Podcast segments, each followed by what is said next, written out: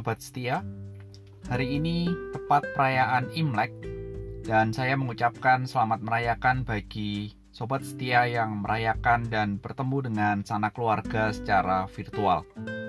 Tuhan memberkati sukacita di dalam hari Imlek ini.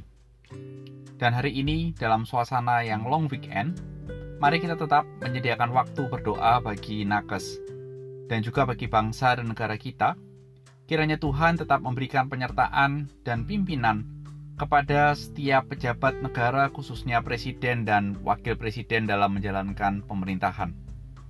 Dan tema hari ini saya ambil dari Lukas pasal 16 ayat 14 sampai dengan 18 dan temanya adalah tunduk kepada otoritas Tuhan Yesus.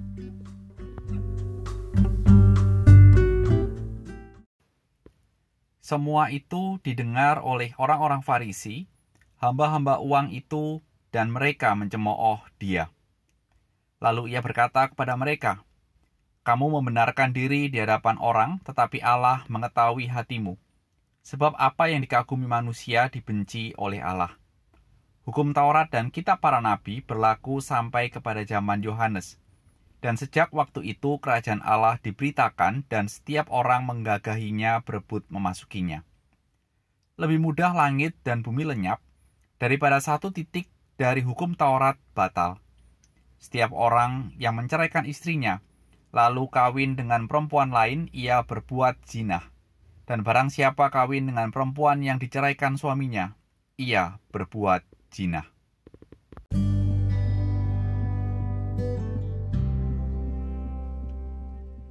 Mari kita berdoa. Tuhan Yesus firman-Mu baru saja kami baca dan kami dengar. Kiranya firman ini boleh menerangi jalan hidup kami. Demi Kristus Tuhan, amin. Sobat setia, sebagai manusia, kita diberikan kemampuan oleh Tuhan untuk mendengar. Namun mendengar ini bukan hanya berarti saya memiliki telinga atau sekedar saya tidak tuli tapi mendengar bisa berarti kemampuan seseorang untuk menerima pengajaran dari seseorang, menuruti nasihatnya dan ajarannya.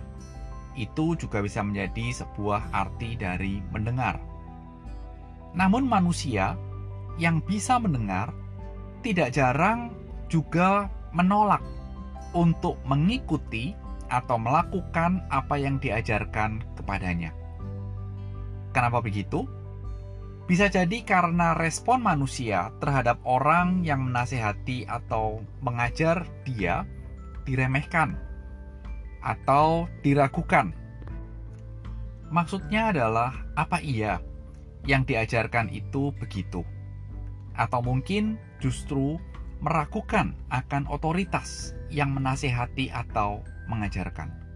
Mungkin kalimat kalimat pertanyaannya adalah siapa dia yang mengajarkan seperti itu.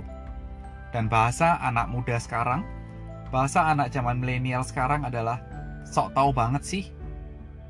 Coba kita cek di medsos atau di Google, apa iya harus seperti itu?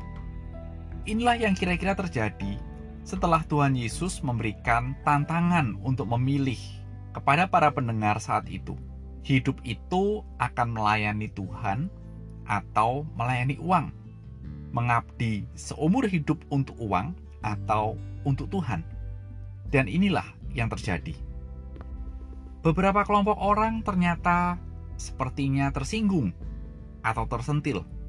Dan Lukas dengan jelas menuliskan bahwa orang-orang Farisi dan hamba-hamba uang tertulis dengan jelas hamba-hamba uang. Silahkan sobat setia pahami apa artinya kalimat ini mereka mencemooh Tuhan Yesus. Tidak tertulis seperti apa mereka mencemooh, tetapi yang pasti mereka dituliskan mencemooh Tuhan Yesus. Mungkin ini semacam pembelaan diri dari orang-orang tersebut. Apalagi orang Farisi terkenal dengan pemahaman akan Taurat yang luar biasa.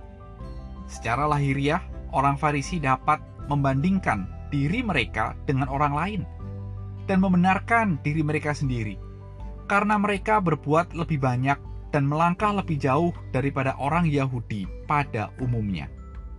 Mereka sangat teliti dalam menaati semua aturan lahiriah, tetapi mereka hidup di hadapan manusia dan bukan di hadapan Tuhan yang memeriksa pikiran dan motivasi hidup mereka. Mereka dipenuhi dengan kesombongan dan kemunafikan yang dibenci oleh Tuhan. Ketika mereka memberi sedekah, mereka melakukannya agar, agar diperhatikan banyak orang.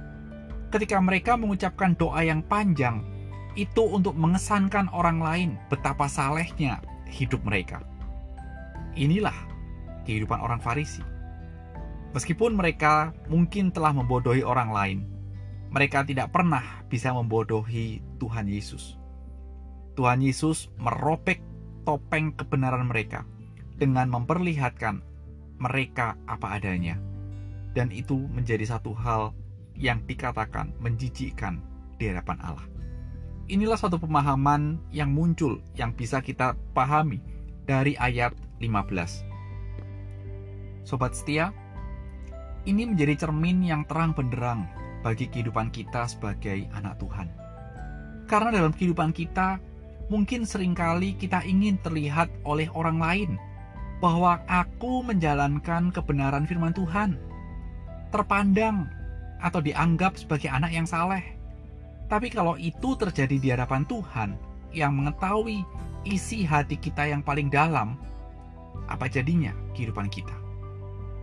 Sobat setia, agama bukan hanya masalah lahiriah yang kelihatan, tapi masalah hati kita di hadapan Tuhan satu hal yang bisa membersihkan hati kita.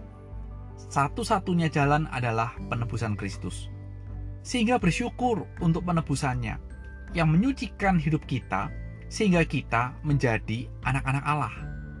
Sehingga mari kita pikirkan, sebagai anak Allah, apa yang harus kita lakukan dalam hidup ini? Kalau kita bertanya seperti itu, kita tahu agama bukan hanya hal lahiriah, tapi berkaitan dengan masalah hati, Bagaimana kita menjawab akan hal ini? Kemudian Tuhan Yesus melanjutkan pengajarannya bahwa tidak boleh satu titik kecil pun dari hukum Taurat itu dibatalkan. Kalau dibatalkan, jadinya ya berantakan. Hal ini memiliki suatu arti bahwa kalau satu hukum Taurat dibatalkan, ditiadakan, maka kesatuan dari hukum-hukum Tuhan itu akan ada celahnya alias bubar. Sehingga tidak boleh ada yang dibuang atau dibatalkan, bahkan dimodifikasi, disesuaikan sedikit pun. Hal inilah yang kemudian Tuhan Yesus tegaskan dalam hal perceraian. Kita tahu bahwa di dalam pernikahan, pria dan wanita itu menjadi satu daging. Persatuan dalam pernikahan itu seumur hidup, namun ada satu hal yang menarik yang tercatat dalam Matius 19 ayat yang ke-8. Karena Tuhan Yesus berkata, "Karena ketegaran hatimu, Musa mengizinkan kamu menceraikan istrimu, tetapi sejak semula tidaklah demikian." Kalau kita melihat akan hal ini, perceraian ada karena kekerasan hati, sehingga diizinkan. Kita tidak diskusi, tapi ini bisa menjadi diskusi yang panjang. Dan akibat dari ini semua, maka banyak orang Farisi mengambil peluang untuk mengizinkan perceraian. Dan tentunya ini menjadi sebuah celah. Dan akhirnya ada orang-orang yang bercerai karena hal-hal sepele. Bayangkan, sampai tercatat karena istri masak masakan dan masakannya itu gosong, menjadi sebuah perceraian. Sangat menggelikan. Sobat setia yang dikasih Tuhan, memang sering kali kita merasa sulit dalam melakukan firman Tuhan. Sampai mungkin kita berpikir, boleh tidak sedikit saja dimodifikasi supaya lebih mudah untuk dijalankan. Firman Tuhan diberikan kepada kita seperti obat mujarab untuk menyehatkan kehidupan kita. Dan hanya firman Tuhanlah yang memiliki otoritas mutlak dalam mendidik dan mengajar kita, supaya hidup kita benar di hadapan Tuhan dan sesama. Dan akhir perenungan kita, Sudahkah selama ini kita tunduk kepada otoritas Tuhan yang mengajar kita melalui firman-Nya?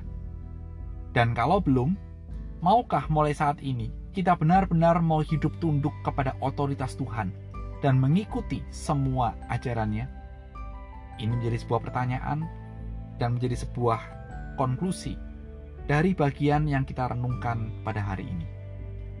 Selamat menikmati akhir pekan, dan Roh Kudus biarlah menolong kita untuk hidup tunduk kepada otoritas kebenaran firman Tuhan yang kita pahami.